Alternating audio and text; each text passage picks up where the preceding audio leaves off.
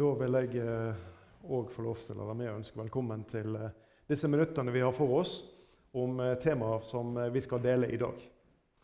Overskriften for det vi skal dele sammen, det er nådens evangelium.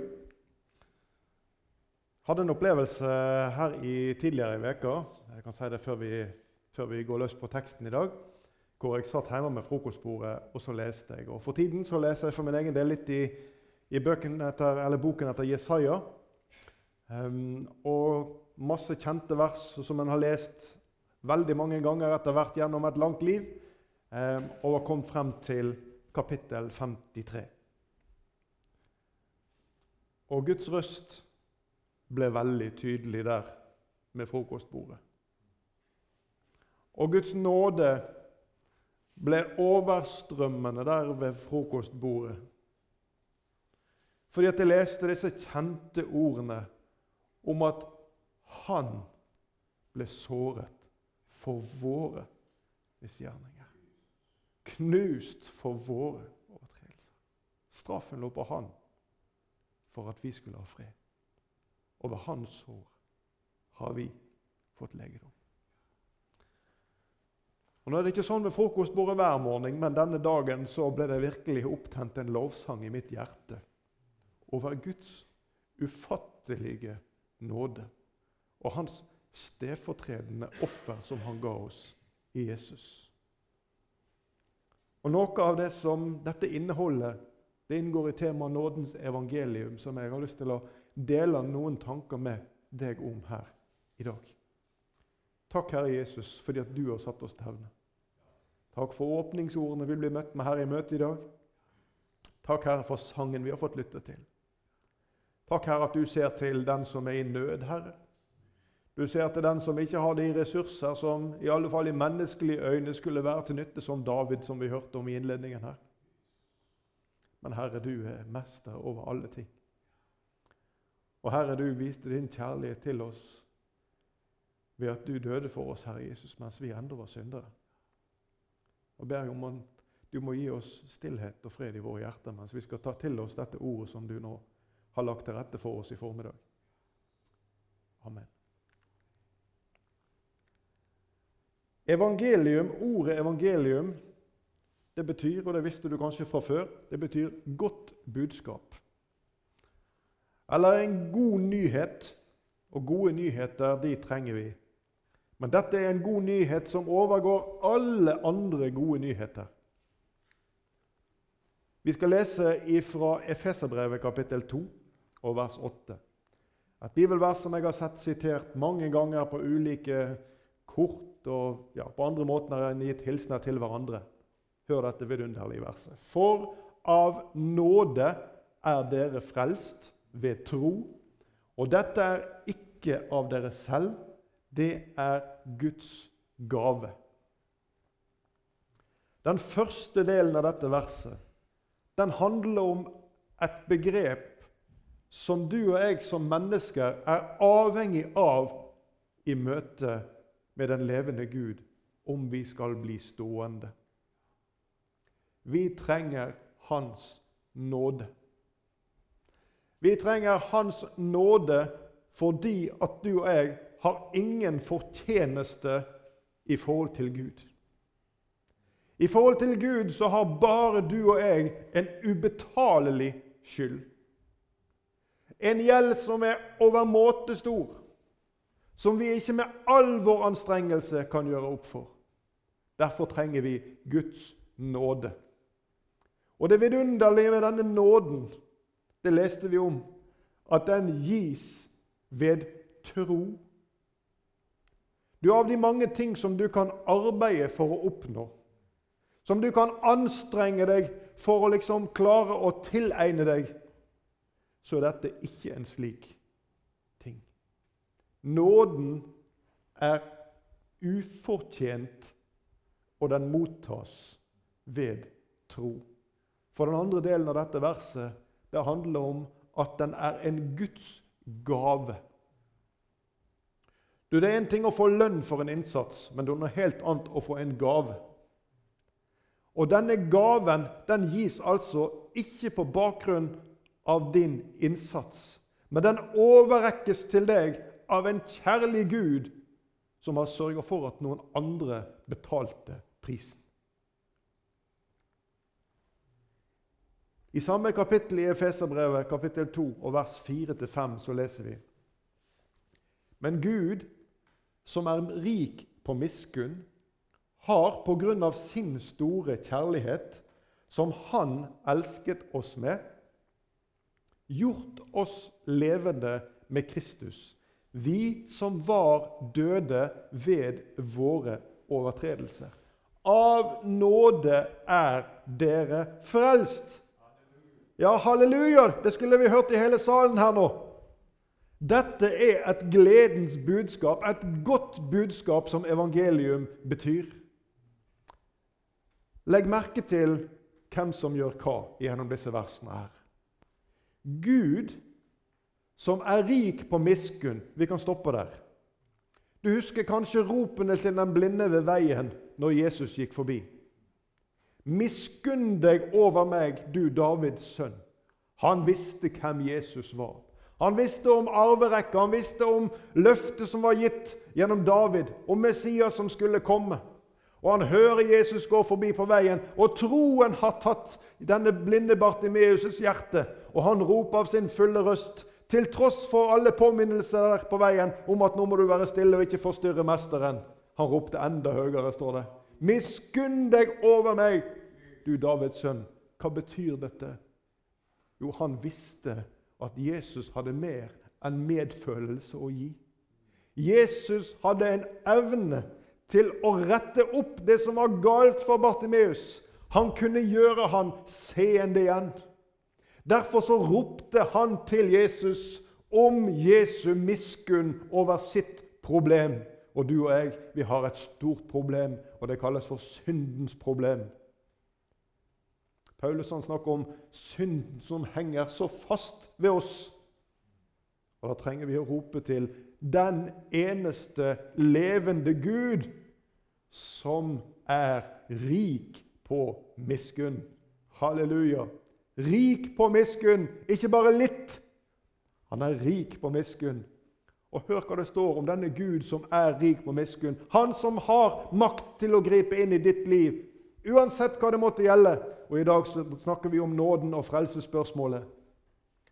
Han har, på grunn av våre fantastiske gjerninger Nei, det står ikke det. Han har på grunn av sin store kjærlighet, som han elsket oss med. Og her tror jeg mange av oss ramler av lasset. For her står vi skyldige overfor den levende Gud. Og så leser vi om denne som er så rik på miskunn, som har på grunn av sin egen store kjærlighet som han elsker oss med. Gud gjorde alt dette. Hva gjorde han? Jo, han gjorde oss levende med Kristus. Vi som var døde ved våre overtredelser. Vi som har falt ut av fellesskap, av samfunnet med Gud. Gjorde han levende igjen. Av nåde er dere frelst. Du, Gud elsker synderen, og det vitner Bibelen om. Vi skal lese om det i Romerbrevet 5,8, et kjent vers. Men Gud viser sin kjærlighet til oss ved at Kristus døde for oss mens vi ennå var syndere. Jeg har møtt mange mennesker som på en måte har gitt uttrykk for at dette med Jesus og troen og frelsen det er vel og bra.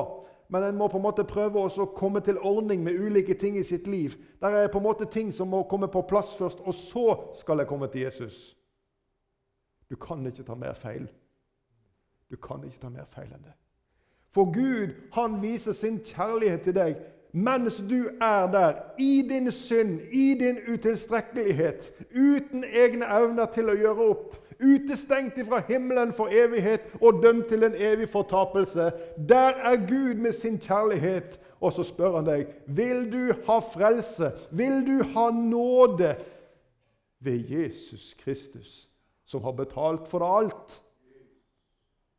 Dette er den kjærlige Gud. som vil vise deg sin kjærlighet slik som du er. Johannes 3, 16. For så har Gud elsket verden, at han gav sin sønn, den enbårne, for at hver den som tror på ham, ikke skal fortapes, men ha evig liv. For et vidunderlig budskap! Tenk dette verset som omtales som 'den lille Bibelen'. Det er liksom kvintessensen av det som Bibelen forkynner. Gud har elsket verden, og det gjorde han slik at han gav sin sønn. Og så vil jeg minne deg om dette, at vær den som tror på ham Og da vil jeg få spørre deg, hvem er det som faller utenfor Guds nåde? Det er kun den som ikke tror på ham. Og det er alvoret i dette. Men jeg vil samtidig si til deg at hver den som tror på ham, har Guds nåde, har fått evig liv. Du trenger ikke å frykte for din evighet. Du kan vite i ditt hjerte at du er på vei til Guds evige himmel. Når djevelen kommer og vil fortelle deg om alt det som er galt i ditt liv, og hvordan du ufortjent Ja, du kan ikke komme fram til dette. Du kan ikke komme inn i Guds himmel. Dette har du ikke fortjent, og dette får du ikke til. Du kjenner stemmen hans. Vis han til dette. Vis han til dette. Vær den som tror, skal ikke fortapes, men ha evig liv. Halleluja. Gud elsker synderen. Han elsker den som ikke får det til. Og enda mer Gud tilgir synden. Uansett hvilken størrelse og hvilken art. Og hvilken målestokk i egne eller andre menneskers øyne. Gud tilgir synden. I 1. Johannes brev, kapittel 1 og vers 9 så leser vi også et kjent vers om dette. Dersom vi bekjenner våre synder, er Han trofast og rettferdig, så Han forlater oss syndene og renser oss fra all urettferdighet. Hva står det om deg og meg i dette verset her? Ja, vi kan ta utgangspunkt i at vi er syndere, og så kommer vi til Han. Og så står det en betingelse i dette verset her. Dersom, og bare dersom, vi bekjenner våre synder. Når du og jeg kommer til Jesus med vår utilstrekkelighet, med alt det som har gått galt, og med alt det vi har innsett som gjør at ikke vi ikke klarer å oppfylle Guds krav til oss mennesker, ja, så møter han deg ikke med noen streng pekefinger og forteller deg hvordan du burde ha gjort det. Nei, det står her hva han gjør.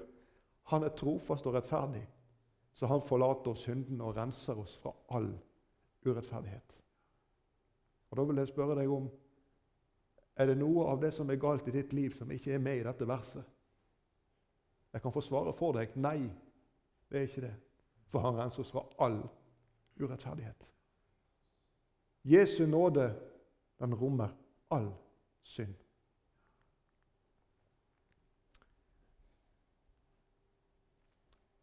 Forholdet mellom loven og nåden kan være litt vrient å få tak på. Og jeg vil si noen ord om det. Det står i 1. Johannes, nei, eh, Johannes evangelium, kapittel 1 og vers 17, så leser vi For loven ble gitt ved Moses, nåden og sannheten kom ved Jesus Kristus. Her leser vi om to forskjellige forhold. Du skjønner loven som ble gitt til Israel på Sinai. Den uttrykte Guds hellige vesen, og den ga òg uttrykk for Guds gode vilje for hans folk Israel. Men denne loven den gav jo ingen kraft til å leve etter Guds vilje. Snarere tvert imot. Loven stilte krav og i møte med disse kravene så innså menneskene at dette får vi ikke til. Galaterbrevet i kapittel 3 vers 21 sier noe om dette forholdet. Er da loven imot Guds løfter? Langt ifra. For bare hvis det var gitt en lov som hadde kraft til å gjøre levende, kommer rettferdigheten virkelig av loven. Paulus sier et annet sted at ingen mennesker blir frelst ved lovgjerninger. Du skjønner, den gamle pakt, loven og den gamle pakt, det minner oss om et bilde som pekte mot noe som skulle komme. Som var universelt, som gjaldt alle jordens slekter. Og disse stadige ofrene som ble gjort i den gamle pakt, ja, de tjente ikke til å ta bort synden. Vi skal lese litt om det. Men snarere tvert imot. De minner om synden. For hør Hebreabrevet kapittel 10 vers 4. Men ved ofrene kommer det hvert år en påminnelse om synden. Dette soningsforholdet som gjorde at menneskene kunne, Israel som Guds folk kunne fortsette å leve i samfunn med Gud til tross for sin syndige tilstand. Men disse ofrene måtte gjentas. Du, Denne loven, den gamle pakt, den ble altså gitt til Israel. Ingen andre folkeslag, ingen andre nasjoner hadde del i den. Dette var en, en pakt som eksplisitt ble gitt til Guds utvalgte folk. Romerne 3,20 det er dette verset som jeg siterte her. Jeg hadde glemt at jeg hadde tatt det med her. Hvor Paulus han sier at intet kjøtt blir rettferdiggjort for han ved lovgjerninger. For her står det hva loven gjør. For ved loven kommer erkjennelse av synd. Så rettferdigheten den kommer altså ikke av loven. Denne loven med alle disse bud og krav For veldig mange mennesker så handler den om de ti bud. Det er langt mer omfattende enn som så. Hvis du leser gjennom Mosebøkene, så finner du 613 bud som på en måte var sånn bud og krav. Så kommer det en hel del til utenom det. Men denne loven den tjener altså til erkjennelse av synd.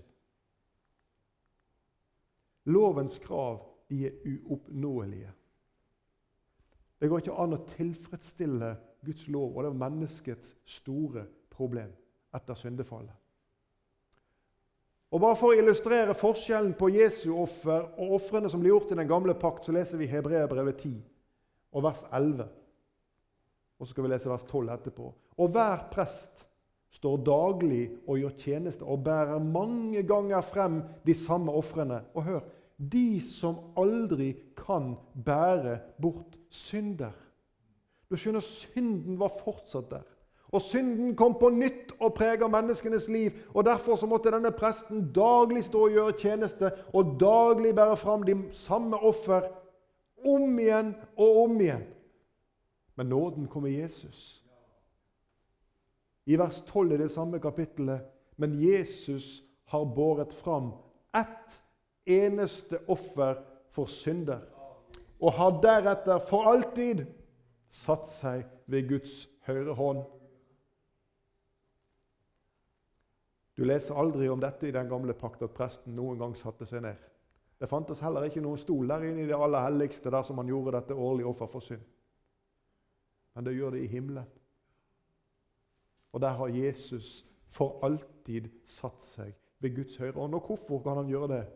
Jo, fordi at han fikk uttale det mest vidunderlige ord som finnes, når han ropte 'Det er fullbrakt' fullbrakt. Nåden for deg og meg var et faktum ifra dette øyeblikket. Du, Paulus og Barnabas På en av sine reiser så var de innom Antiokia. Og vi leser apostelgjerningene 15, vers 1-2. Det kom da noe ned fra Judea og lærte brødrene slik. Hvis dere ikke blir omskåret etter den skikk vi har fra Moses, kan dere ikke bli frelst. Det oppsto da strid, og Paulus og Barnabas fikk et heftig ordskifte med dem. Det ble da bestemt at Paulus og Barnabas sammen med noen av de andre av dem skulle dra opp til apostlene og de eldste i Jerusalem og legge dette spørsmålet fram for dem. Er du med i spørsmålet som stilles her nå.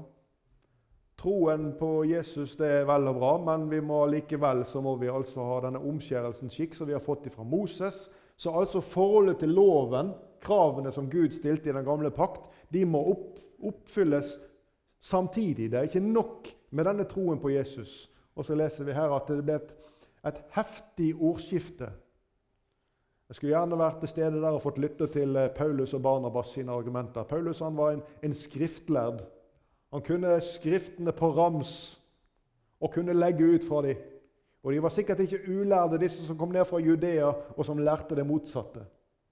Men etter at Gud hadde fått gjort dette, denne forandringen med Paulus, når han satte lyset på for Paulus Du har gjerne hørt dette begrepet, at han eller hun har sett lyset. Og det var sannhet, det som skjedde med Paulus når lyset kom fra himmelen, og Gud gjorde en forandring i denne forfølgerens liv og gjorde han til Kanskje et av de mektigste evangeliske redskapene som noen gang har fungert. Han står her i kraftig ordskifte. Og Så drar de da opp til apostlene og de eldste i Jerusalem for å legge fram dette spørsmålet. Hvordan forholder det seg egentlig? Alle disse kravene som ligger her i denne loven, også dette med troen på Jesus. Hvordan skal dette være? Og vi kan ikke ta for oss hele apostelmøtet i Jerusalem. Da blir det et langt møte her i formiddag. Men vi skal ta med oss noen ting. Vi leser kapittel 15 i apostelgjerningene, vers 5-11. Og de kom til Jerusalem, og så leser vi Men det reiste seg noen av fariseernes parti som hadde tatt ved troen, og de sa de må bli omskåret, og en må pålegge dem å holde Moselov. Merk deg at dette er noen av fariseernes parti, men som hadde tatt ved troen. Altså Som var opptatt av dette med Jesus og, og nåden og frelsen, men likevel ikke slippe taket i disse krav og bud. Vi leser videre. Apostlene og de eldste kom da sammen for å overveie denne saken. Da det nå oppsto et skarpt ordskifte, reiste Peter seg og sa til dem.: Brødre, dere vet at Gud for lenge siden utvalgte meg blant dere, så hedningene av min munn skulle høre evangeliets ord og komme til tro. Du husker kanskje fortellingen om når Peter var der i Simon garverens hus. Og så fikk han dette kallet om å komme over til Makedonia.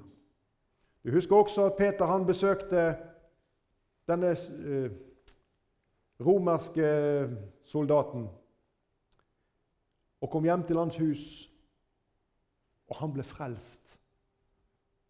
Og Peter han fikk bevitne at Den hellige ånd ble utgitt over disse hedningene. Ja, for de ble betrakta som hedninger fordi at Kornelius og hans hus de var ikke jøder. Og Den gamle pakt var jo bare for jødene. Men nå skjer det noe helt nytt her. Guds ånd blir utgitt over mennesker som ikke er jøder. Og det er dette Peter står og vitner om her nå. Vær klar over dette at Gud han utvalgte meg iblant dere, sånn at hedningene av min munn skulle høre evangeliets ord og komme til tro. Og så leser vi videre. Og Gud, som kjenner hjertene, gav dem vitnesbyrd i det han gav dem Den hellige ånd, like som oss. Han gjorde ingen forskjell på oss og dem. Og hør, for ved troen renset han også deres hjerter. Hvorfor frister dere da Gud og legger et åk på disiplenes nakke som verken våre fedre eller vi var i stand til å bære? Men vi tror at vi blir frelst ved Herren Jesu nåde på samme måte som de. Peter oppsummerer her. Loven og den gamle pakt er oppfylt i Jesus Kristus og troen på Herre Jesu nåde alene frelser. Du, dette er Abrahams løfte, som Gud gav til Abraham når han sier at i deg skal alle jordens slekter velsignes. Nå oppfylles dette. Nå oppfylles dette. I apostelgjerningene kapittel 13 og vers 37-39 der leser vi om Jesus. Men han som Gud reiste opp, han så ikke tilintetgjørelse. Derfor skal dere vite, brødre, at ved ham forkynnes syndenes forlatelse for dere. Og fra alt det som dere ikke kunne rettferdiggjøres fra ved Moselov, rettferdiggjøres i ham enhver som tror. Altså har du det fra Bibelen og ikke fra meg som står her. Alt det som dere ikke kunne rettferdiggjøres fra ved Moselov, rettferdiggjøres i ham, det er Jesus, i enhver som tror på Jesus. Enhver som tror. I sted så leste vi fra Johannes 3, 16. Hver den som tror på ham. Det er alle. Alle som tror. Her leser vi om å være rettferdiggjort i Jesus, og det gjelder altså enhver som tror. Så på nytt så understreker Bibelen for oss at dette gjelder også deg som hører disse ord. Du har ikke gjort eller sagt eller tenkt noe i ditt liv som gjør at du faller utenfor Guds nåde. Hvis djevelen har narra deg til å tro det, da må du vise han til dette stedet i Skriften. For her faller ingen utenfor. Alt tilgitt, tilgis i Jesus. Og i Jesus rettferdiggjøres enhver som tror. Hvis du leser i Kolosserbrevet kapittel 1, så vil du lese om din tilstand, du som tror på Jesus, som hellig og ulastelig og ustraffelig for Gud Faders åsyn. Du, på korset så får denne røveren nåde. Du minnes fortellingen om den ene røveren som får nåde. I går så var jeg og arbeidet litt sammen med en av mine svigersønner.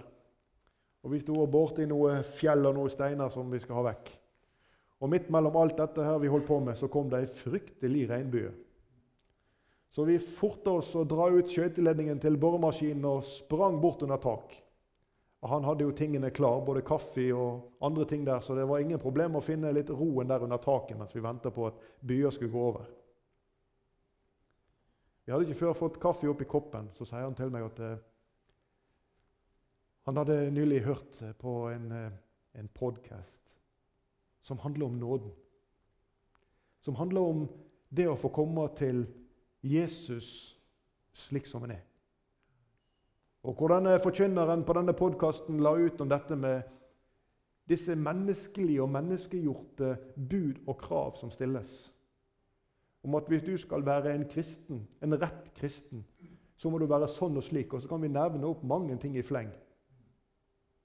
Ja, Vi er ikke så veldig ulike ofte med disse som viste til at loven måtte være en del av frelsesgrunnlaget.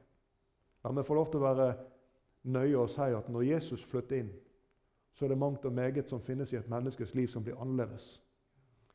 Og Bibelen forteller om at han har lagt gjerninger, gode gjerninger ferdig for oss for at vi skal vandre i det.